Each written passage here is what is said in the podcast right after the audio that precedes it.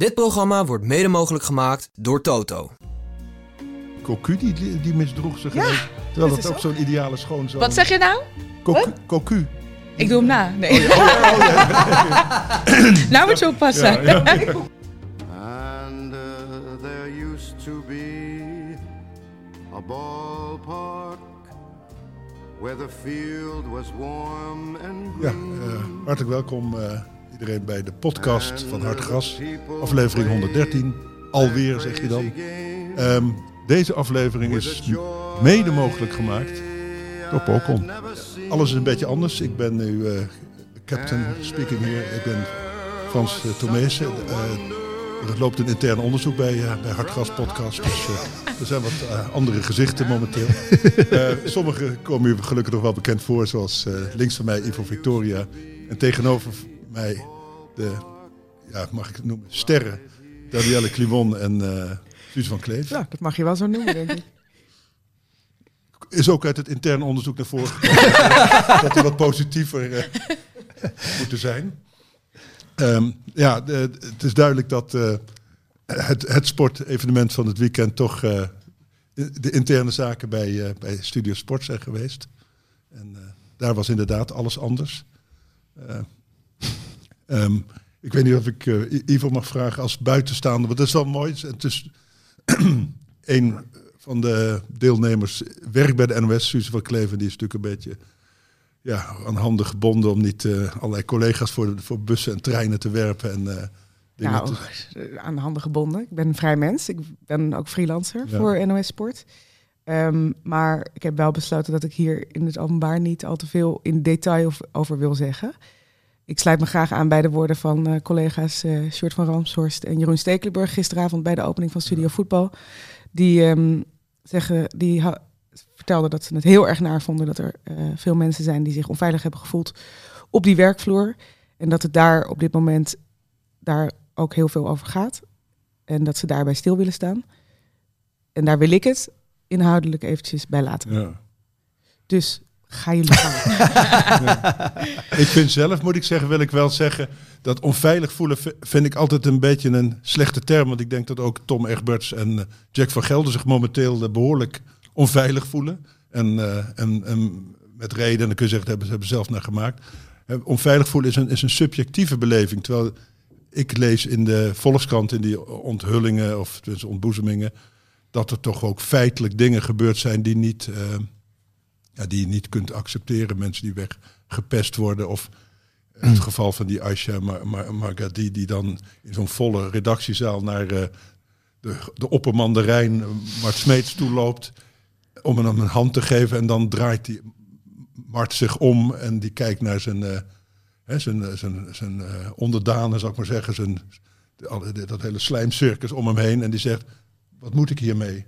Ja, dat vind ik, dat kun je niet zeggen van onveilig voelen. Dat is gewoon uh, ja, schofterig. schofterig gedrag. Dus je, het gek is, gedrag, ja. onveilig voelen leg je het bij degene die, die, er, die daar de, de klos zijn geweest.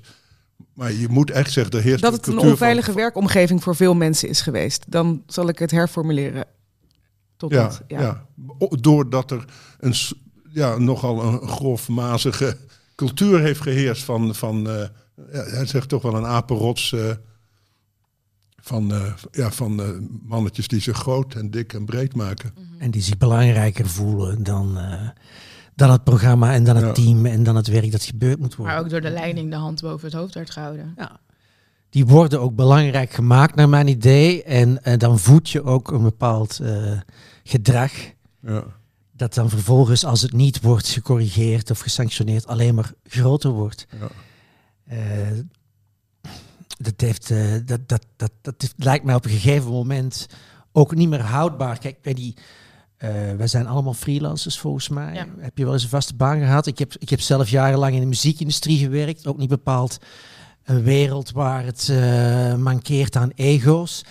En de les is toch dat als, je, als er geen cultuur heerst waarbij dat ego-gedrag meteen in de kiem wordt gesmoord, dan is het op een gegeven moment ook niet meer te stoppen. Dan gaat het alsmaar door en dan ontstaat er een soort van ja, vrijgeleiden om je op een bepaalde manier te gedragen. En dat wordt dan ook nog eens vergoeilijkt op een gegeven moment. Ja, je, moet, je moet niet op hem letten, want hij is nu eenmaal zo. dat soort praatjes krijg je dan. ja, en dat, dat is eigenlijk dit de zoveelste keer dat we dit soort verhalen te horen krijgen. Maar het ingewikkelde is natuurlijk, jij noemt de muziekwereld en de sportwereld, die liggen, dat zijn journalisten die dicht aanschurken tegen sterren. Hè? Als jij sportverslaggever bent, nou, Suze dan niet. Die moet altijd naar wedstrijden waar weinig sterren te vinden zijn. Ik was maar... bij PSV dit Oh, weekend, PSV. hè? Oh, Ja, oh, nee. ja, nee. ja, daar ga ik straks alles over vertellen. Danielle, die bij de thee. helemaal. Ja. Ja, de- Hij, ja. heeft, maar- hij heeft mij net zelf een ster genoemd en vervolgens word ik hier gewoon even zo weggezet. Jij bent sterk Nee, van maar de dat komt door die. Nee, dat maar komt door die niet. cultuur. Het gaat niet over, dat zijn misschien wel sterren, maar dat, die sterren die heb je ook op een, in de, bij Deloitte of die heb je Ja. ook bij. eh, hè, dus of je nu een ster bent voor heel Nederland of je bent een ster binnen de cultuur van je bedrijf, dat maakt niet zoveel uit. Eh, het gaat erom dat je, ja, dat je vrijgeleide krijgt van je, van je overste om je op een bepaalde Ja, maar gek eh, genoeg is het ook de droom van heel veel kleine mensen, zou ik maar zeggen, zoals we zelf. Hè?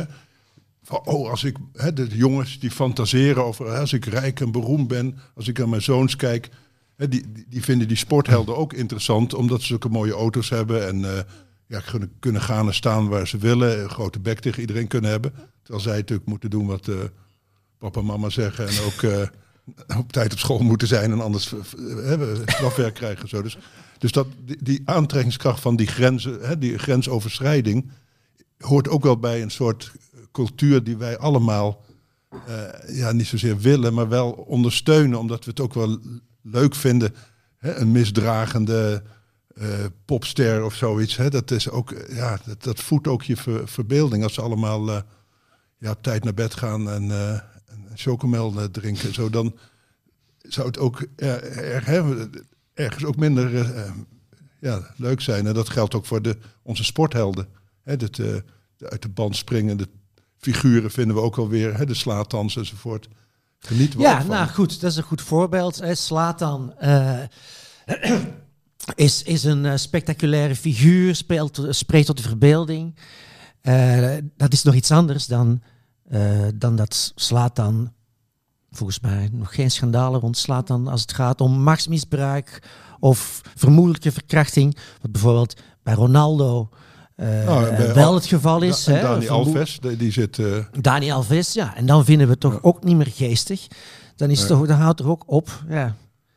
ja, Dus waar. er is toch wel een verschil tussen iemand die lekker excentriek is.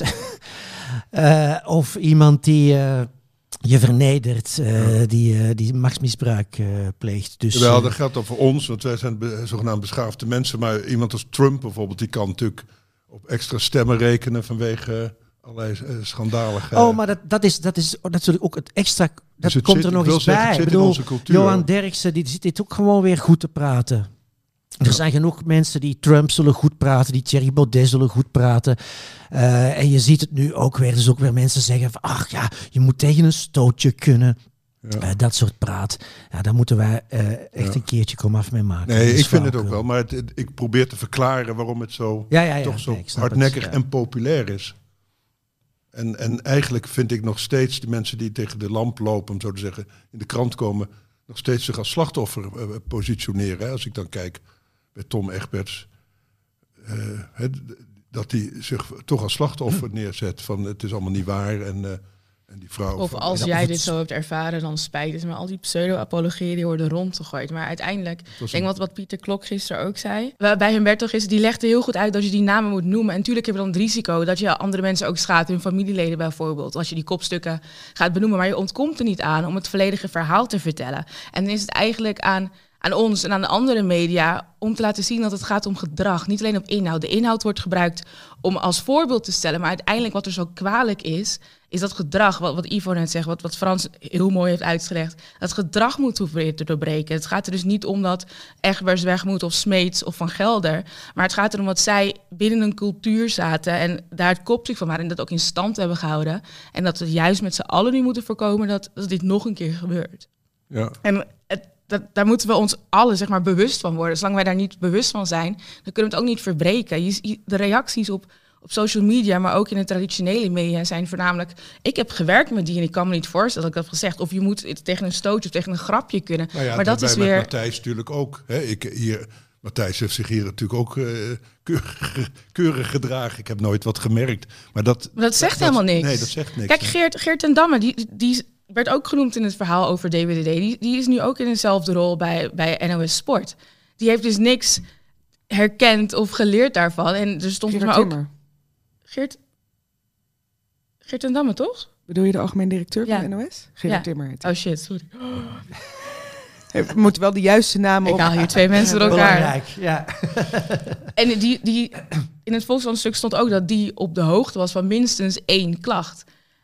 En die hebben dat gewoon opzij geschoven om die cultuur ook in stand te houden. En dat is hetgeen we moeten doorbreken. En in de sport, vooral in de voetballerij, ik kan eigenlijk alleen over de voetballerij spreken, want daar freelance ik in. Dan zie je het ook niet alleen bij de hoge pieven en niet alleen bij de media, maar je ziet het ook gewoon aan de sportfans. Die hebben diezelfde gedachtegang in hun hoofd en die uiten dat ook zo. Dus is echt, er is nog heel veel werk te doen. En dit is eigenlijk alleen het begin. En het is te kort door de bocht om dan te denken als je Egbers, Smeet, eh vergeet ik, van Gelder slachtoffer dan voorbij is. En daarom is het ook zo goed dat gisteren dat nieuws naar buiten kwam, dat de voltallige hoofdredactie gewoon per direct opstapt. Want hoe, hoe kan je denken, als je ook maar begrijpt waar het stuk daadwerkelijk over gaat, wat er echt mis is, dat het alleen ligt aan die personen. Het ligt aan die hele cultuur die jullie hebben gefaciliteerd en gecultiveerd.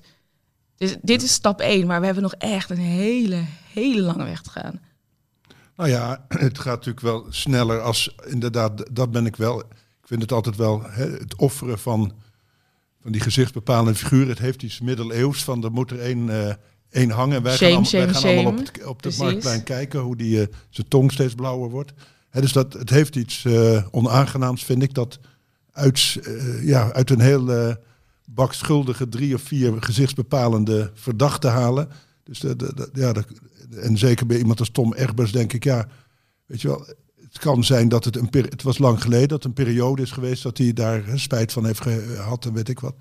Dus dan, dan is natuurlijk, dan zou het heel sneu zijn dat hij daardoor al meteen eh, ja, nooit meer zijn werk kan uitoefenen. Dat is een zware straf, vind ik. En, en aan de andere kant zijn het die gezichtsbepalende figuren die laten zien dat hoe erg het is. Dat, dat, dat, die spreken tot de verbeelding. Ik denk voor mij, als we het even terugrefereren naar het Volkskrant-stuk, wat mij het meest tot de verbeelding sprak, wat mij het meest raakte, was het stuk waar uh, Margali de redactie op komt en ze heeft koekjes gebakken. En ze zegt, hé hey jongens, ik heb koekjes. En niemand reageert. En dat is een heel klein voorbeeld. En je, kan het heel makkelijk wegzetten als, als ze moeten zich zo, zo aanstellen. Misschien vonden ze die koekjes niet lekker. Allemaal excuses kan je bedenken. Maar dit is gewoon een prachtig of schrijnend voorbeeld van hoe die pestcultuur daar in elkaar zat en zit waarschijnlijk.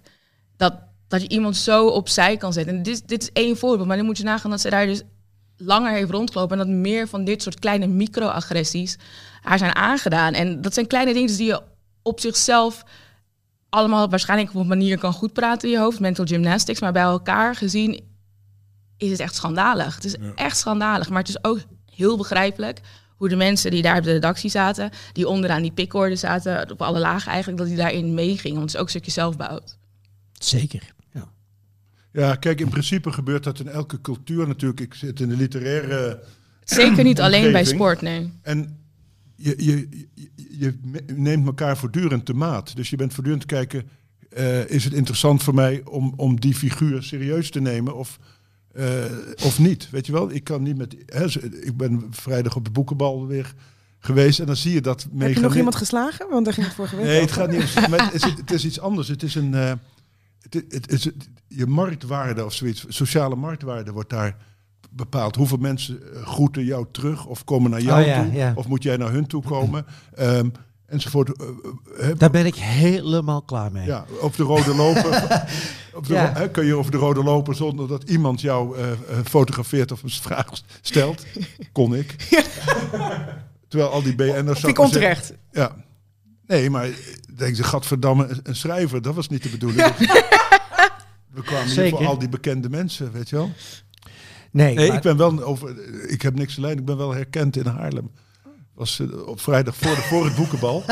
Toen liep ik in de regen nog eventjes uh, weet je wel, eh, frisse lucht, zuurstof eh, verzamelen voor, de, voor dat boekenbal.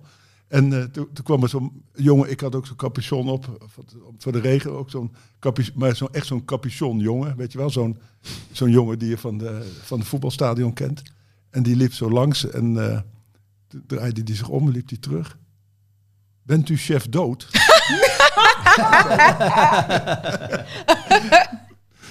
Dat heb ik bevestigd en dat was heel tevreden. Toen ging hij eh, verder in de regen, ik ook in de regen. Iedereen zijn eigen regen. Maar dat, eh, dus dat, eh, dat, dat vind ik dan toch ook mooi. Hè? Dat, eh, maar, ja. en Nee, heb maar je dus ook nog gezegd hoe je echt heet? Of dacht je nee, dit Nee, is laat ik maar zo. mooi. Dus, Ja, precies. Maar die, nee, maar ik wou zeggen, die, zo'n pikorde hebben, zo'n zo'n boekenbal gebeurt dat ook. Dus de, bij Studio Sport, die mensen zijn natuurlijk trots dat ze bij het belangrijkste programma, sport, hè, was toen nog een sportprogramma werkte. Het is nu misschien E- ESPN geworden, maar toen was Studio Sport natuurlijk het eh, programma. Dat, ja, dat je toch door een soort ballotage moet. Dat dat niet alleen te maken heeft met dat ze Marokkaans was en jong en vrouw en volgens de hoofdredacteur eh, mooi. Dus voor Tom Egberts een probleem. Maar dat het ook was dat ze de Morris niet eh, verstond die daar heerste. En misschien te... Ja, nee, dat vind ik... Nee, maar ik, wil maar zeggen, dan, verklaar, dan geef je geen vrijbrief om Nee, nee, iemand nee. te schofferen. Maar snap je, sommige mensen snappen ook niet hoe het, hoe het werkt. Dat je soms als stagiaire gewoon ja, die koffie maar moet halen. Dus dat speelt ook een rol. Behalve het, het, het discriminerende en het eh, vernederende. Ik denk dat het verschil is dat eh, bij dat soort gedrag dat die heren vertonen, dat dat niet over de personen gaat die zij vernederen, maar het gaat over zich- zichzelf. Ja.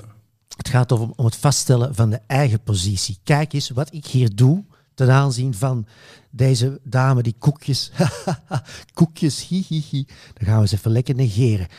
Let op mij, ik bepaal het hier. Ja. Daar gaat het over. En kijk, je kan. En, en dat is ook het punt waarop het altijd mis. Al die verhalen die we nu tot nu toe gehoord hebben, hè, over DWDD, over NOS, maar ook bijvoorbeeld over eh, Prometheus, jouw uitgeverij. Ja, ja, ja. Er zijn ook dingen gebeurd. Eh, dat gaat altijd over mensen die zich belangrijker vinden dan het team. En eh, als je kijkt, nou, laten we, als je de vergelijking maakt met een voetbalteam bijvoorbeeld. We hebben allemaal gevoetbald op een gegeven moment. Soms zit je in een team en daar kan, je, kan iedereen keihard zijn voor elkaar. En je kan iemand verrot schelden op het veld. En je kan iemand eh, terechtwijzen. En iedereen pikt het, want iedereen weet, dit is voor het team. En straks na de wedstrijd, dan zitten we in de kantine en dan drinken we samen bier. En het is no het is niet persoonlijk.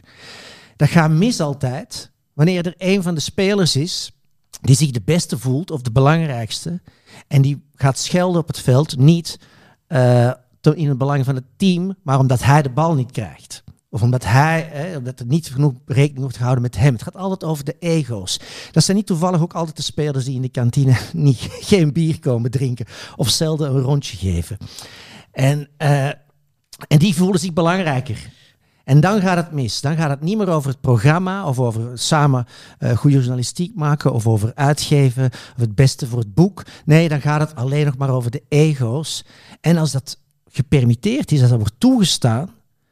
Eh My Spijkers is bij Prometheus zijn eigen baas. Eh, hier zijn het mensen die gefaciliteerd worden door hun bazen. Eh, als dat ge- toegestaan wordt, dan wordt het steeds erger. En dan is er geen limiet niet meer. En, ehm, en dat is het hele, eh, eh, dat is het mechanisme volgens mij. Ja.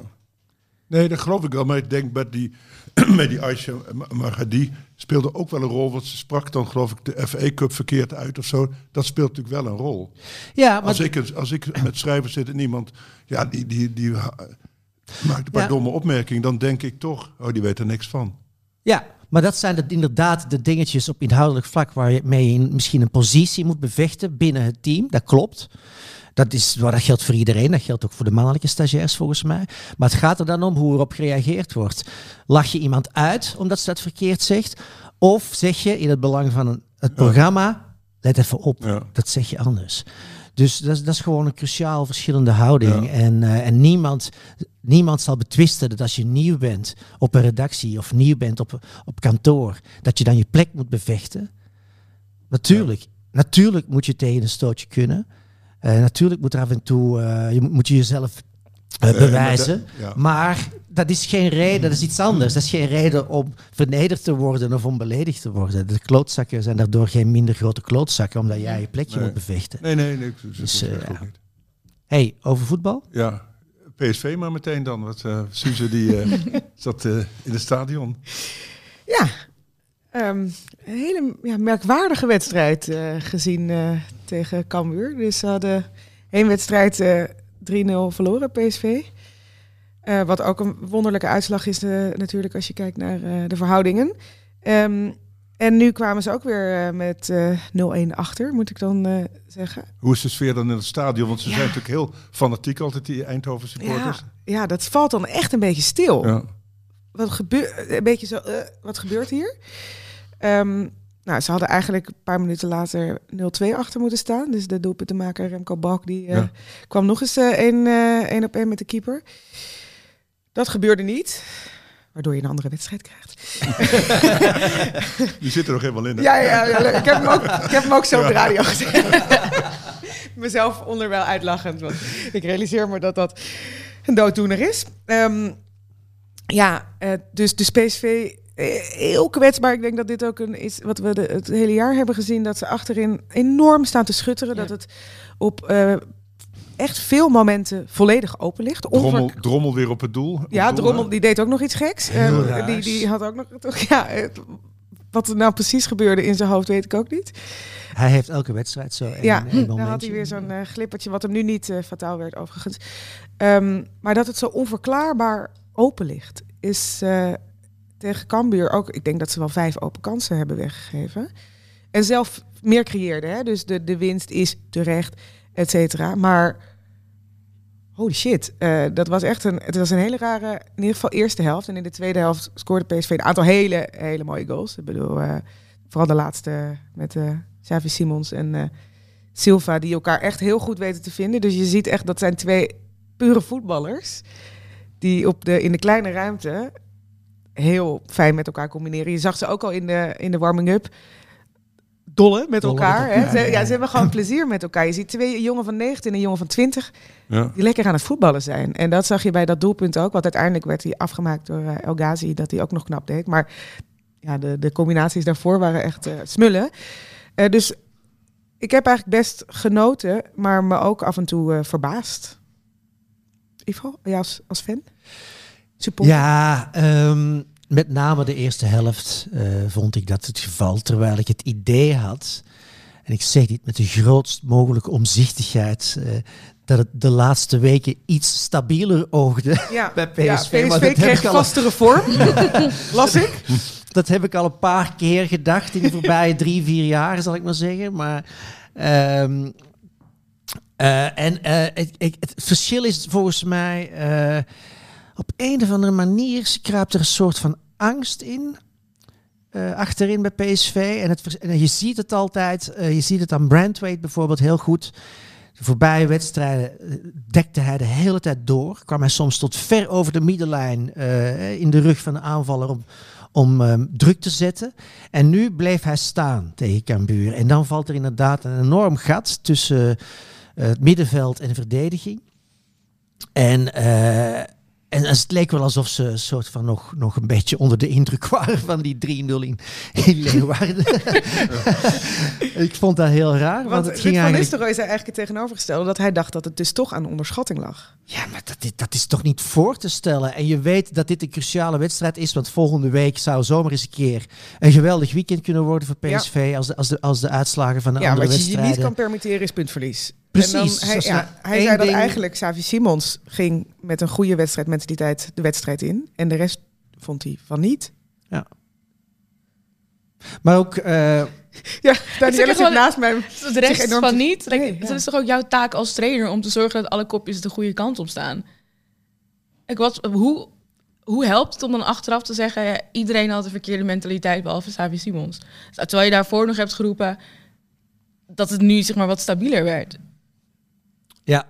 Ik, is- ik denk, voetbal is echt een heel erg mentaal spel. Dat hebben we ook bij Ajax dit, dit seizoen gezien. Dus ik, ik, volgens mij is het bij PSV, wat Ivo zegt, het is echt angst. En als je weet dat die mentaliteit, die kopjes niet helemaal lekker zit... Is dat dan niet iets waar je op moet focussen en dan niet zeg maar zulke Nou, dingen ja, moet ik zeggen? denk dat het een soort nog- rare reflector. Dat hij, ik denk dat hij echt verbaasd was. Want hij, ik denk dat hij ook dacht dat PSV vastere vorm kreeg. Ik denk dat er nog één ander ding speelt over een veilige of onveilige werkomgeving Mhm. gesproken. Bij PSV is er geen baas Mhm. op het veld. Er is geen leider die... Luc de Jong had dat moeten zijn, toch? Ja, maar dat is, een, dat is een aanvaller. Die zit nou ook niet op de juiste positie. Er is eigenlijk in die hele selectie niet één speler die, wanneer Joey Veerman voor de zoveelste keer denkt dat hij buitenkantje voet door het centrum eh, heen kan uitvoetballen, hè, of Drommel, die stond te grijnzen nadat hij de bal gelost had. Hè, dat schot dat hij lost, toen hadden ze hem in close-up, stond hij zo'n beetje te lachen. Nou, dan wil je dus een leider eigenlijk die die grijns onmiddellijk van zijn gezicht scheldt. In het belang van Je het wil team. in het belang van het team. ja, ja. Dat wil ik graag even bij zeggen. Eh, Of die Joey Veerman onmiddellijk Ja. op zijn plek zet. Maar niemand, hè, dat was niet deze wedstrijd trouwens, Nee, maar, maar kijk, vorige wedstrijd. als je kijkt naar centrale verdedigers, dat zijn vaak mensen die misschien zo'n eh, rol kunnen. Ja, Ramaljo Eh, zou die rol- die, ja, die, schudt- die zijn die, zelf die, worstelt met zichzelf. Precies. Ehm Brandweight is druk bezig met zijn eigen ontwikkelingen. Hè, die, die is pas net basisspeler, dus daar kun je het ook niet van verwachten. Simons is daar te jong voor. Sangaré heeft daar niet de, de uitstraling voor. Je mist gewoon zo'n speler. Ja. Ja, en ik vind wel dat eh, Aan- Van Aanholt, eh, wat, wat karakter betreft, hè, eh, en ook Fabio Silva trouwens, qua spirit, dat die heel veel bijdragen aan PSV.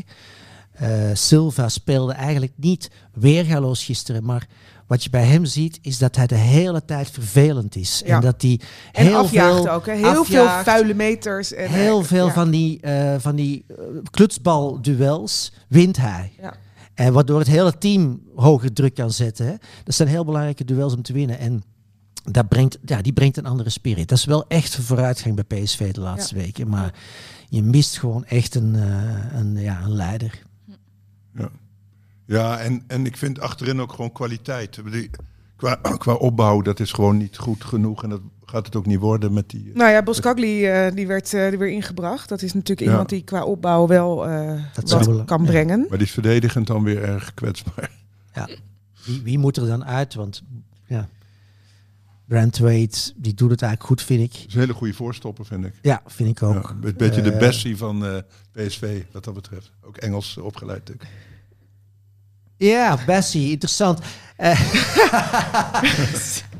kunnen we scha- Ja, nou, ik, Bessie, daar zat ik nog over na te denken. eh, omdat ik... eh, ik weet dat jij een groot fan bent hè, van, van Bessie. Ik heb dat filmpje, daar heb jij natuurlijk ook gezien, van wat Ajax gemaakt heeft. Ja, over ja, ja, ja. Geweldig, love it. vond ik, ja. I love it. Ja. Ik vond... eh, ik, zou, ik heb hier ook al eens gezegd... Ik, ik, ik, zou, ik denk dat hij eigenlijk beter zou passen bij PSV dan bij Ajax. Maar eh, die werd gisteren de lucht ingeprezen door Marciano Vink over, eh, Ja. over zijn wedstrijd tegen Heerenveen. Dat begreep ik niet zo goed, want het, dat is dan ook, toch ook weer een Nederlands tintje. Dat, dat was dan op basis van het feit dat hij goed meevoetbalde. Maar het doelpunt, het tweede doelpunt van Heerenveen, staat Bessie op drie meter te dekken van Van Nooydonk. Ja. Echt ongelooflijk. Terwijl hij alle tijd van de wereld had om die bal te zien komen. En niet veel later was er nog zo'n moment, ben ik even kwijt, waar zomaar de 3-4 had kunnen vallen. Waar hij ook verdedigend gewoon niet... eh, wat raar is, want Maar bij Bessie is het ook weer een mentaal ding. Kijk, die jongen heeft gewoon platte voeten. Dat, dat is het gewoon. En, ik vind het heerlijk om naar hem te kijken. En het is een soort van roofdier wat over het veld stalkt. Maar het is geen gracieuze voetballer. En voetbaltechnisch is er gewoon nog heel veel te schaven aan hem. Maar verdedigend moet hij ook gewoon heel veel oppakken in, in deze verdediging. Met een, het, Hij moet alle hoge ballen zijn voor hem, want eh, Timber heeft niks meer. Die Rens die staat altijd verkeerd. Maar die- hij komt dus in diezelfde rol als Martinez. Martinez die stond daar ook als centrale verdediger. Als, die pakte gewoon de taken van drie verdedigers. Hij kan dat natuurlijk niet. Maar hij begint zich wel steeds meer te vormen naar die rol. En je ziet hem ook met meer zelfvertrouwen spelen. En natuurlijk gaat hij nog steeds van die keurige foutjes maken. En ook dan die bal zelf over de lijn trappen en dat soort. Ik denk, oh my god, Bessie. Maar het zit er wel echt in. Verdedigend denk je dat hij wel echt een van de, de grote letterlijk en figuurlijk kan worden. Maar je moet van hem niet gaan verwachten En zie je ook Dat hij gaat meevoetballen. Stappen, ja, maar Marciano Vink zag dat hij enorm Ja, vergeleken maakt. met hoe hij bijvoorbeeld in zijn slechtste wedstrijden Ja. heeft gespeeld, maakt Dus je hij stappen, de- maar het is nog steeds niet voldoende. Laag. De lat is nog steeds Ja. laag. Ja, Nee, maar, maar is het dan niet zo dat die jongen misschien aan te veel dingen tegelijkertijd moet denken nu? Klopt, zeker. Maar En, eh, terwijl ik zou zeggen, ja, speel hem uit in zijn kracht, want het is natuurlijk een killer in principe. Maar dat, dat hebben ze. Ik wil bijna we zeggen, maar ik ga nooit meer we zeggen als ik het over Ajax heb. Dat heeft Ajax op dit moment gewoon niet. Er is niemand die die lood van hem kan wegnemen. In het spel wat Ajax speelt, moet hij ook mee kunnen in de opbouw. En dan is de vraag, ga je je spel aanpassen? Nee, natuurlijk niet. Het is niet des Ajax om dat niet te doen. Nee. Dan moet je hem gaan vormen. En ik denk dat die eerste stapjes nu langzaam maar zeker worden gezet. Maar je moet niet onderschatten, als je altijd iets anders gewend bent... zoals je zegt, hij zou veel beter bij een PSV of een Feyenoord misschien zelfs passen. Als je altijd anders gewend bent, dan moet even dat Maar kwartje denk vallen. je dat, je, dat hij in potentie, ehm, zowel voetballend als verdedigend, een hele goede Ajax-verdediger wordt? Kan worden. Ik denk dat hij een hele goede verdediger kan worden, maar niet per se een hele goede Ajax-verdediger. Echter denk ik ook als we kijken naar hoe Ajax nu gaat en de spelers die er staan en wat ze doen, dan kunnen we heel veel profijt en plezier nog uit deze jongen halen. Maar we moeten niet verwachten dat het een typische Ajax-verdediger wordt. En daar zal je gewoon iemand anders naast moeten zetten. Of Timber moet weer terugkomen op zijn oude niveau, op zijn oude zeg maar, PA-potentie die hij vertoonde. Want nu is die ook gewoon niet meer, niet meer dan een schim van wat hij vorig seizoen was. Dus het ligt aan twee dingen. En ik, ik ben echt fan van Bessie. Ik heb nummer 33. Ik was zo snel om het shirt te kopen. Dus het doet me echt pijn om te zeggen... ik denk niet dat hij de Ajax-verdediger gaat worden... maar ik denk wel echt dat hij de verdediger gaat worden.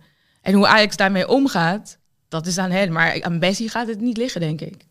Maar misschien is het ook wel gewoon dat de, de, de wens de vader van de gedachte is of zo. Ik, maar ik hoop echt dat hij het redt. En als je af en toe kijkt hoe stabiel hij daarachter is... en hoe weinig moeite het hem kost, er zit zoveel in. Alleen de vraag is, is zit hij nu op de juiste plek dat alles er ook uit gaat komen? Even eh, voor de agenda van deze bespreking. eh, de koning van de week. Bessie denk ik niet, hè, maar heeft iemand een koning van de week? Nou ja, eh, ik, ik, Oh, ik vond dat het hele verhaal rond eh NOS Sport of Studio Sport... vond ik dat het meer over gedrag moest en niet op de inhoud. Dus ik dacht, ik ga nu heel inhoudelijk een koning kiezen. Dus niet het grotere verhaal, maar één kleine actie. Van eh Feyenoord-speler. Ik kan zijn naam niet uitspreken, maar hij is Argentijns. Ik noem hem altijd Boelie, omdat ik dus niet weet wat... Boulaude. Bouillot, like, hoe spreek je het Ja. uit? Maar die had een aanname, jongens. Die, eh, hij krijgt de bal aangespeeld hoog. Hij neemt hem aan met zijn rug naar zeg maar, waar de bal vandaan komt. En hij legt hem gewoon gelijk stil op de voet. Draait door en bijna achterloos geeft hem weer door naar achter. Het was zo'n prachtig moment dat maar één keer herhaald is door ESPN. En ik dacht echt, wow, dit is... Daar kom je voor naar het stadion, daar kijk je voor naar voetbal. Voor dat soort kleine kunststukjes. Hoe kan je een bal die zo door de lucht wordt geschoten, zo stil leggen op je wreef? En dan nog gewoon bijna een no-look, ik draai me om. Ik speel hem gewoon eventjes door naar ik weet niet wie. En het kwam gewoon aan en de aanval ging door. Het was echt, Ja. het was echt mooi. En ik zeg het niet snel, want Ajax Fe- Feyenoord, weet je, dat ik Ja. moet toch wel even die... eh, Je zegt eigenlijk in anderhalve minuut dat Bessie het beter zou doen hè? om naar Feyenoord te gaan. Nee, En vervolgens de koning van de week. We moeten ook wel een beetje objectief blijven. ik, ja, bedoel, ik heb Arne Slot gisteren... is wel de beste Ajax-trainer van, Ja, van de Eredivisie. Maar het komt ook gewoon voort uit als je dan dit, dit Feyenoord hebt gezien. Staan ze 1-0 achter tegen Volendam. En eh, Volendam was de ondergang van Schreuder natuurlijk. Ik dacht al, oh, wordt dit dan de ondergang van Feyenoord? En dan wordt Ajax kampioen. En zoals verwacht, iedereen weet het, Feyenoord komt gewoon terug. Die wissels in de rust waren perfect. Er kwam nog meer druk naar voren. Ze blijven gaan. Mentaal zit het helemaal Ja, goed in dat piloot. eh, die weer opstaat, toch? Ja, ik bedoel, dus dat is toch ook wel een ontwikkeling die hij eh, Zeker. doormaakt. Ja. Maar ook Henk Veerman heeft in die wedstrijd wel de Zo. unieke kans gemist Oh om vandaag God. koning van de week te Ik zijn. dacht, ik dacht dat hij er al in zat. de eerste goal was ook trouwens een Ja, fantastische... Die reed al toeterend door de stad. Snap je? Ja, de eerste goal was ook een geweldige aanname van, eh, van Veerman. Schitterend gedaan en een waanzinnige fout van Hansco, die onder de bal doorging. Eh, maar die tweede kans, ja, holy Moses. Nou, ja, Veerman, dat- anti-koning van de week. dus. Anti-koning van de week, want dat moet gewoon 0-2 zijn. En dan denk ik toch dat Feyenoord... En wat, wat is eh, dat? Dan wordt het een andere wedstrijd. Dan wordt het een heel andere... Dan wordt het, ander, dan wordt het een andere competitie. Ja. Ja, Wie heb jij gezien, eh, Hans? Ik vond het heel lastig eigenlijk. Ik had niet per se een koning. Ik zat er op de fiets naar hier toe eh, nog over na te denken. Ik had eigenlijk niet echt een koning. Eh, omdat ik het allemaal een beetje, ja... Gewone wedstrijden vond. Beetje, het was niet echt iets wat er nee. bovenuit Ja, sprong. Ja, ik vond eigenlijk doelpunt van Carlson. Ja, Oh, Ja, ja, ja, geweldig. Ja, En belangrijk, hè? zeker. Dus dat vond ik voetballend. En AZ was eerst- ook wel heel lekker tegen in Rome. Was natuurlijk ook wel eh genieten. dat was echt een Ja, stunt. Ja. hard- echt heel Nee, knap. maar met goed voetbal ook. Want ze, ze waren ja. duidelijk de mindere ploeg. En als je het hebt over goed verdedigen. Ja. Hoe ze op het middenveld alles Ja. hadden. Die Reinders. Na het eerste half uur. echt- Reinders was eigenlijk eh, ook wel een koning van de week Ja. wat dat betreft. Maar ook Mijnans en zo, die lijkt ook geen Mijnans. enkele aan, eh, aanpassingsproblemen Zelfs te hebben. Klaasie wordt eh, weer de oude Klaasie van vroeger bij Feyenoord. Ja. Dus eigenlijk is Feyenoord koning van de week. Nee, ik Nee, heb ik AZ. nog- ik heb AZ. nog- Nee, maar we hebben Ja, nu nee, over ik heb Klaasie. nog, ik heb nog, eh, ik heb Klaasie typische. Komt van Feyenoord, toch? Ja. Hij, was, hij is nu terug op zijn... Ja, Feyenoord het blijft niveau. Feyenoord, hè, ja. Ik heb, ik, Alles, alle wegen leiden naar Feyenoord, jongens. ik heb mijn koning van de week in een typische Suze van de Kleef-wedstrijd eh, gevonden. Eh, eh, NEC eh, Utrecht. Oh ja, ja. En eh, eh, eh, dat heeft te maken met eh, Wessel, die hier een prachtig verhaal had over de achterloze steekpaas. Dat wat meer aandacht voor moest. En de echte perfecte achterloze steekpaas werd daar door eh Tanane uitgedeeld. Tussen drie Utrechters die niet wisten hoe ze moesten staan. En Tanane dacht, eh, ga ik nou naar links, naar rechts? Ik doe het even allebei. En toen kon hij met zijn buitenkantje links kon hij even die, eh hoe die, die, Ma- die Mata, die grote sterke spits, bedienen, doelpunt. Dat was echt fantastisch, vooral dat achterloze, hè, wat Bessel dan ja, waardeert. Hè, van de, of je op een pleintje voetbalt. ja. Ja, dat was heerlijk. Ja. En ik vind sowieso Tanane heb ik wel een zwak voor. Ik vind Ja. dat zo'n Zeker. zo'n miskende voetbal. Want het is echt. Het, had net zo goed een voetballer kunnen zijn eh, hè, van de statuur van Memphis of zo. Die ook internationaal eh furoren zou maken. Alleen zijn karakter eh, Mm. stond het in de weg. Zit hem in de En weg. en dan voetbalt hij bij NEC, weet je Ja. wel. Ja. Maar dan wel Maar wel geweldig. af en toe van die wereldballen Ja, ja, ja, dat is niet de eerste keer. Dat was volgens mij tegen Feyenoord dat hij een waanzinnige steekbal gaf waar, waar ze uitscoren Ja. in de Kuip. Ja, die je kan ziet zo ook goed balbehandeling, voetballen, ja. aanname, Oh, ja, heerlijk het gemak, hoe hij mensen wegstuurt. Het is echt... Ja, eh, maar ook de- dat eerste of tweede doelpunt, dat was ook zijn verdienste. Liep hij net op zijn Alvarez-achtige manier net even in de weg, weet je wel. Dat, dat die verdediger van Utrecht net niet bij de bal kon. En dan kon een teamgenoot van hem die bal meenemen. Dat, vond ik ook, dat doet hij ook goed, hè. Dat, het, het vuile werk, zou ik maar zeggen. Zeker, ja. Ja. Jij Maar, pleit voor Tanane. jawel, maar ik, ik vind wel inderdaad, AZ is, was voor mij wel de club van de week wat dat Ja. betreft. Want dat was voor het Nederlands voetbal toch wel uitzonderlijk goed. En dat doelpunt kan je wel naar blijven kijken van Carlson. Ja, dat doelpunt- dat eerst doelpunt denk je van, is het misschien een, ja, een beetje een zondagschot, maar Ja. nou echt... Maar hij was in. Rome, was die, die hele, hele verdediging ook aan het dollen. Hè? Dus eh, ja, het, eh, Ja, het is wel echt een leuk voetballer. Die Ja. misschien dit seizoen, hij is natuurlijk ook lang geblesseerd geweest. Maar onevenwichtig een beetje. hè? ja, ja, maar wel, als hij de bal in de voeten krijgt, denk ik altijd, wat gaat hij doen? Ja. En dat kwikzilver, heel Ja. snel van de ene been op het andere. Ja, heerlijk. Ja, en we kunnen wel elke week zeggen dat Xavi Simons eh, geweldig is. Maar dat was Ja. hij nu ook weer. Ja, Om het maar even Die wordt dan maar de koning van de competitie. Dat denk ik wel, ja. Dat kunnen, Hij is ook topscorer nu, hè? kunnen we misschien nu ook wel zeggen, ja. Hij staat bovenaan bij de... Ja, Ja? 12 doelpunten met eh Doefikas. Ja, En eh zes assists, denk ik nu. Dus eh, die komt ook daarover gewoon in de dubbele cijfers. ja. En hij blijft bij PSV, begrijp ik, hè? Nog een jaartje. Nou, Ik nee. het. Of Dat juist is niet? nog helemaal niet duidelijk. Het, eh, volgens mij was het nieuws was deze contract, week ja. dat die clausule, waar het dan zo vaak over gaat, dat hij voor een gereduceerde 12, 12 miljoen of zo. transfersom terug kan naar eh Paris Saint-Germain. Wat ook wel echt gevaarlijk is dacht men dat, of PSV was er nooit duidelijk over, laat ik het zo zeggen, ehm, dat dat alleen voor dit seizoen zou gelden. Maar dat geldt Oh, dus ook nog voor volgend het, seizoen. ja. Dus hij kan tot en met zomer 2024 voor een gereduceerde transfersom, als hij zelf wil, Als hij naar zelf Paris. wil, hè? Want, eh, Alleen als hij zelf wil. Hij zou toch echt gek moeten zijn om naar PSG, PSG terug te willen. Ik denk dat als hij nog zo'n seizoen speelt, kan hij overal naartoe. dan kan hij voor 50, 60 miljoen naar de Premier League.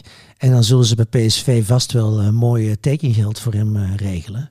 Waardoor die 12 miljoen eh, clausule in het niets oplost. Zo hangt er zou ook ik het vanaf doen. wat hem aangeboden wordt, Ja. welke afspraken er worden gemaakt. PSG is nu echt bezig om het hele team weer om te gooien. Meer te focussen op de eigen jeugd. Ze willen Mouani willen ze ook terughalen. Ze zijn echt, ze hebben eigenlijk het kwartje is eigenlijk gevallen van oh, dit al die sterren aantrekken en daar een team mee pitchen smeden, dat werkt niet. We gaan weer terug naar de basis, naar onze eigen jeugd, naar Parijs en de banlieues en daar gaan we uittrekken. Dus dit kan voor, voor Savi kan het nog wel ver, Simons kan het vergaande gevolgen hebben. Je weet niet wat er op tafel gaat worden gelegd. Ja. En daar is ook Van Nistelrooy een goede coach voor. Want die heeft natuurlijk jong PSV heel goed gecoacht. Hè? Als hij verstandig is, blijft hij sowieso nog een seizoen. Ja, en met jonge spelers, zoals die Bakayoko, die toch nu wel... hè, Die was bij jong PSV een van de uitblinkers. Nou ja, als je ziet wat de voorhoede eh, gisteren van PSV was. Bakayoko 19, Of Joko toch? ja. Fabio Silva, Silva. 20. Simons Ja. op links hangend. Was El Ghazi de 19. oudste? Wat zeg je? Was El Ghazi de oudste? Ja, die viel in. Maar in de basisvoorhoede Ja. was twee 19-jarige en 20-jarige. Daar kan je nog wel eh, eventjes mee door. Ja. Ja, ik... ik Xa- ja, Xa- Xavi Simons is ook wel een bijzondere jongen, denk ik. Eh, Volgens mij eh, zit het heel goed bij hem, mentaal. Maar misschien heeft hij ook wel zoiets van... nou, ik heb het goed gehad bij Paris Saint-Germain. Ehm, ze, ze beloven me dit, dit en dit. Daar geloof ik wel in. Ik ga wel. Ik Ja. zou het zelf niet doen. Want Nee. ik denk dat er een enorme toekomst voor hem ligt op het moment dat hij zijn ehm, carrière rustig opbouwt en geduld heeft. Maar misschien heeft hij een heel goed gevoel bij PSG. En hij Mhm. zegt volgens mij zelf ook, ik heb daar een deel van mijn opleiding Ja. genoten. Vriendschappen, Ja. dat ook nog wel mee. hij vindt de stad geweldig. Dus ik denk niet dat het zo in kannen en kruiken Nee. is als heel veel PSV-supporters denken. Hopen. Ja.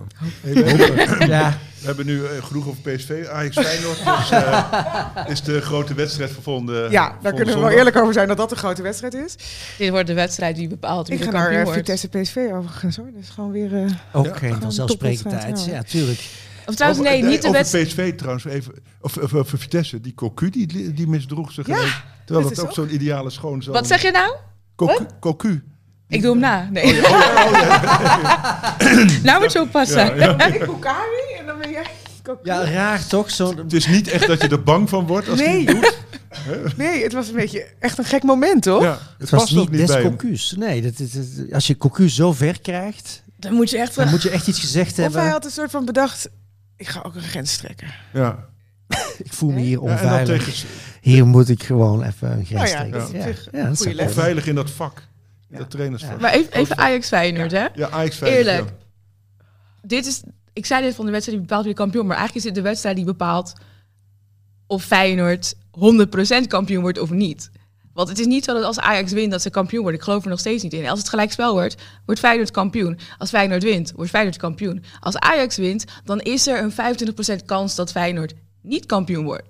Maar in principe heb ik me er al helemaal bij neergelegd. Hoe ik ze week op week terug zie komen en zie knokken. En dat mentale aspect heb ik me er echt bij neergelegd. Dat Feyenoord kampioen wordt. En ik zie ze ook gewoon niet verliezen in de arena. Die gaan tot het bittere eind, tot de twaalfde minuut van de zeven minuten blessuretijd, gaan ze door en dan ook nog scoren. Dus ik denk, om te voorspellen, dat het gelijkspel wordt. 1-1. Ehm, ik ben het wel eens met deze analyse. Maar Nee, niet maar. Ik zat gewoon even voor een, een uitslag, want ik denk ook dat het een gelijkspel wordt.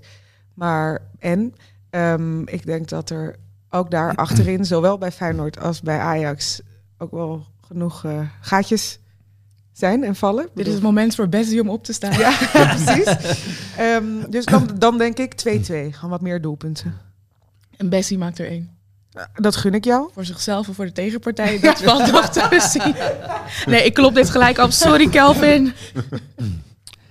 Nee, ik was toch wel onder de indruk van Ajax eh, tegen Heerenveen. Ik heb het idee dat Heitinga het toch aardig op de rit heeft. Misschien niet meer het beste voetbal.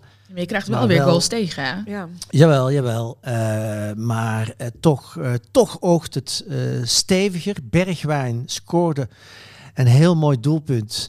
Wat hem misschien eh, over eh, de drempel kan eh, helpen, zou ik maar zeggen. En een Daarna miste die een grote Die was nog mooier op de paal. Ja. Die Ja. actie, dat was fantastisch. Zeker, Ja. dus Ook de ben- opluchting bij hem, hè? Ja. Dat was ook ik vond het een soort aandoenlijk of zo. zeker, zeker. Dus Maar je dat ziet een wel, boost. zodra Tadic eruit gaat, bedoel je in de spits komt te staan, zeg maar Tadic uit de spits gaat, dan stort het gewoon helemaal in.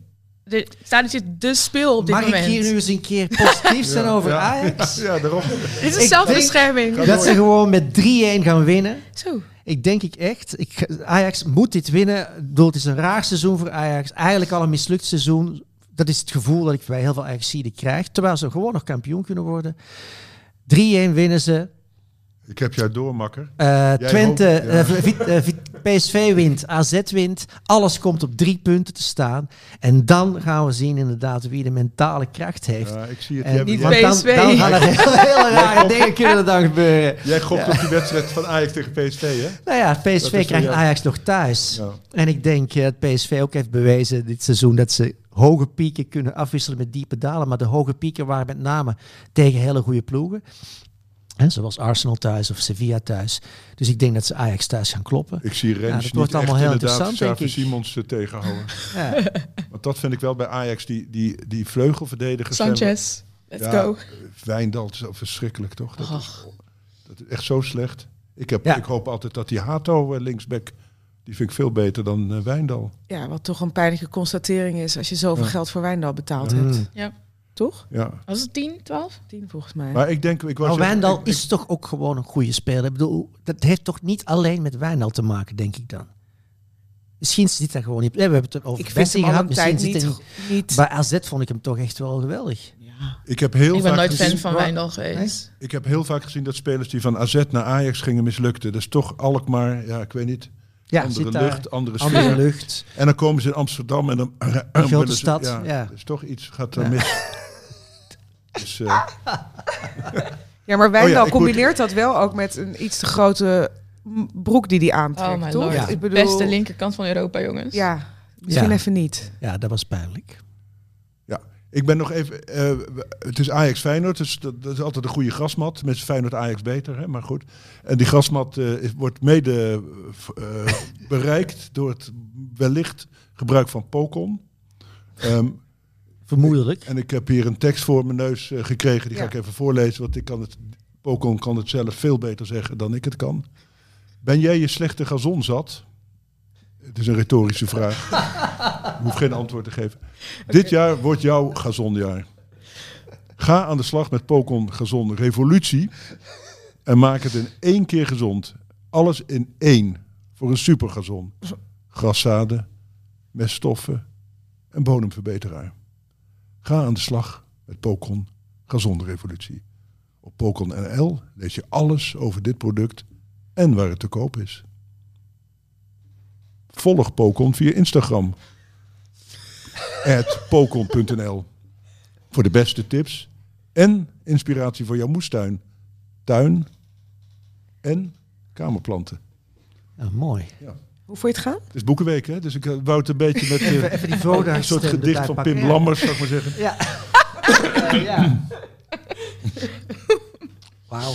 Maar wat was jouw voorspelling? Oh, Ja. mijn voorspelling is, eh, mijn, mijn wishful thinking is dat Ajax inderdaad, eh, net zoals Ivo voorspelde, toch wel eh, weer de touch heeft. Dus dat ze losgaan. Ah, Feyenoord scoort moeilijk, dus daar hou ik me een beetje aan vast als eh, partijdige toeschouwer. Dus ik denk dat Feyenoord maar één keer kan scoren en Ajax toch wel, misschien een penalty van Tadic enzovoort, eh, 2-1 denk ik. Maar Ivo heeft een geheime agenda. Ja, dit is vanuit de goedheid voor Ajax of ook een geheime agenda?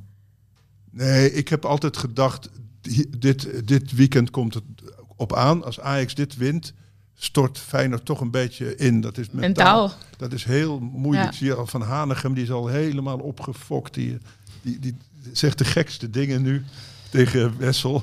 Ja, en ze moeten nu toch al een In aantal weken lang moet Feyenoord heel diep gaan iedere keer voor die drie punten. En ze redden het iedere keer. Ja, maar dat is maar wel mooi. spelen, Dat en is- dat is heel mooi. En dat is ook dikwijls een kenmerk van een PSV kampioen. heeft ook vaak PSV zo heeft ook zo'n fase Ja, gehad. ja. Maar ze spelen nog Europees. Eh, PSV en Ajax niet. Ze moeten iedere keer heel diep gaan. Eh, ik denk toch dat het een keer ophoudt ook. Ja. Dat gevoel heb ik nog steeds bij Feyenoord. Dat er toch een keer een wedstrijd komt dat ze hem niet redden in de 97e minuut. En, dan, eh, en dat dan misschien ook mentaal... Maar dat, die gedachte, als komt er maar 1% in hun hoofd, dat gaat fataal zijn voor Feyenoord. Dus ik vind het ook wel heel sterk hoe Arne Slot dat allemaal buiten de deur weet te houden. Dat fatalisme waar Wessel het heel vaak over heeft. Dat, zit, dat zie je in dit seizoen niet. Ja, in het begin was het nog een heel klein beetje, maar naarmate ze verder kwamen is het gewoon helemaal weggezakt. En, Nou, en Jiménez die durft gewoon te zeggen, wij spelen voor drie prijzen. Dus ik praat nog niet over de klassieker. Eerst nog maar eventjes donderdag. Dat, dat is toch geweldig? En dan denk ik, ik kan me niet. Oké. Het lijkt me zo moeilijk te breken. En ze redden het iedere keer op die mentaliteit. En als er iets is waar, waar Ajax het afgelopen, afgelopen maanden Ja. helemaal door de grond is gezakt, dan is het op mentaliteit. Nou, ik vind niet alleen mentaliteit. K- Slot is niet voor niks de beste trainer natuurlijk. Ja, maar dan, ziet- hij Nee, heeft niet, hij alleen, maar dit Hij is... ook- echt goed spelen. Ja, maar hij heeft ook invloed op Ja. de mentaliteit van zijn spelers en de Ja. manier waarop ze de wedstrijd Ja, ingaan. En het geloof in zichzelf houden. Dat komt ook omdat je iemand hebt die dat goed, ehm, Ja, hoe noemen we dat? Kanaliseert of, of manage. overbrengt, managed. Ja, zeker. Als je zag hoe ze die tweede helft begonnen, de, Ja. eerste 20 minuten van de tweede helft tegen Volendam. Tempo, de spirit. En, en ook in alle details, hè, dat zie je bijvoorbeeld ook zelden bij Ajax of PSV. Eh, er, was, eh, er ging een bal buiten en onmiddellijk Szymanski die meteen de druk erop houdt, druk erop. Dus in alle, alle spelmomenten, als er een, voorzet, eh, een hoekschop was, een, een ingooi, overal de hele tijd. maar tempo, iedereen, tempo, alle tempo, spelers, tempo, de staf, de ballenjongens, iedereen gaat Iedereen. daarin mee. Dus ze, ze gaven ze Volendam geen seconde rust. En dat soort, dan, dan hoef je niet eens zo goed te voetballen. Dan Ja. op een gegeven moment gaat de tegenstander gewoon fout maken. En eh, dat deden ze ook. En ja, dat, dat zie je zelden bij Ajax of PSV. Ja. De enige keer dat ik het bij Ajax heb, echt heb gezien was onder Peter Bos in de knock-out fase van de Europa League tegen. eh, het een Duitse club? Ja, daar. Dat het bijna verloren was en het ging echt. Toen kwam het, dat beest kwam van Ja. binnen. They got the dog in their lungs. Het kwam eruit en ze gingen ervoor. Maar dat is echt de enige keer hoezeer ik ook van Ajax hou. En hoezeer het ook gewoon het beste team is van de Eredivisie. Dat is de enige keer dat ze dat mij echt hebben getoond. Kijk, Nou, maar in, in, Champions League was ze gewoon... Chelsea 4-4. Oké, met, oké, eh, die, die, met die rode kaart. die ook twee nog inderdaad. Mooi dat we nu jarenlang terug moeten kijken voor een wedstrijd Ja, waarin Ajax- Ajax, de juiste wedstrijdmentaliteit Ja, toont. maar Ajax heeft zich eigenlijk nooit heel erg in de Eredivisie tenminste hoeven in te spannen om de afgelopen jaren dan resultaten te halen. Volgens mij is dit het eerste jaar in een, in een lange tijd na zeven, ik wil zeggen zeven rijke jaren, zeven magere jaren, om even de Bijbel erbij te pakken. Maar daar zitten we nu. En ik denk dat het voor Ajax heel moeilijk is om weer die mentaliteit terug te vinden, omdat ze het zo lang eigenlijk hebben gered zonder Ja. dat, zonder die agressie, zonder dat geloof. En dat ben is ik wat. niet helemaal met je eens. Want als je denkt dat het beste Ajax-team van de laatste jaren met de licht en uh, Frenkie enzovoort. Die de licht, dat was toch ook zo'n onverzettelijke figuur. Dat, dat, dat vond ik, die stond symbool voor dat team, vond ik. Die beukte erin en de, tegen Juventus en zo. Die, eh, hè, want daarom heeft die, is hij bij Juventus Ja. aangenomen, zou ik maar zeggen. Omdat hij daar die Chiellini en die... En die dat was zijn gewoon- sollicitatie. ja, hij won al die kopduels. En, dat puur, en dat zei dus ook, ja, die jongen gaat een keer hersenletsel op, eh, oplopen. Hoe hij erin vliegt de hele tijd. Dus- Ja, maar dat was inderdaad, dat is ook een mentaal aspect. Maar ik bedoel meer het mentaal van achterstaan, het- de underdog, de underdog zijn, het, het verliezen en van zeg maar tegenstand terugkomen. Die mentaliteit, die heeft Feyenoord wel. En dat, die voorbeeldjes net noemde met Ajax. Verder van dat heb ik niet gezien, omdat het ook nooit nodig is geweest. Tuurlijk hebben ze wel de winnaarsmentaliteit en gaan ze ervoor. Maar als het, als het kut gaat en ze staan achter en de minuten tikken weg, dan is het voor Ajax heel moeilijk om zich daartoe aan te zetten om het toch om te draaien. En dat kan Feyenoord, hebben ze bewezen de afgelopen Ja. week, kan dat wel dit seizoen. Je en ik denk dat dat het verschil maakt. eh, een speler, wanneer er een paas net iets te hard wordt gegeven, nog een sprint trekken om, om nog net voor de achterlijn weg te tackelen, zou ik maar zeggen. Je ziet twee, Dat drie spelers dat doen. Terwijl bij Feyenoord iedereen het. Ja, Al- Alvarez wel. Alvarez die dat doet inderdaad. En daar houdt ja, Tadic eh, soms en- en ook, heel soms.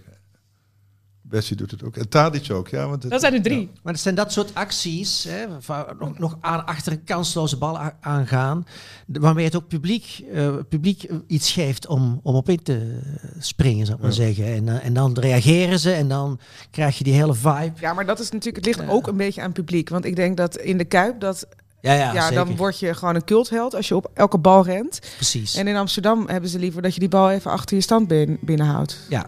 Toch? Ja. Maar dat is wat bijvoorbeeld ook bij PSV mis. PSV had dat wel in een periode. Die spirit van achter elke kansloze bal aangaan. En dan reageert het publiek. Ja. Als dat niet gebeurt, dan eh, is het een heel rustig stadion eigenlijk. eh. Nou, en hier is het ook heel rustig. De rust daalt hier langzaam ook langzaam. Ja. neer. Stof daalt neer. Cooling down. Cooling down. Ja. We, we, we- we verwerken nog even het weekend. En eh, tot de volgende week.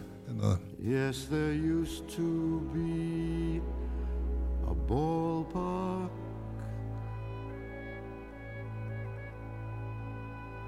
Right here.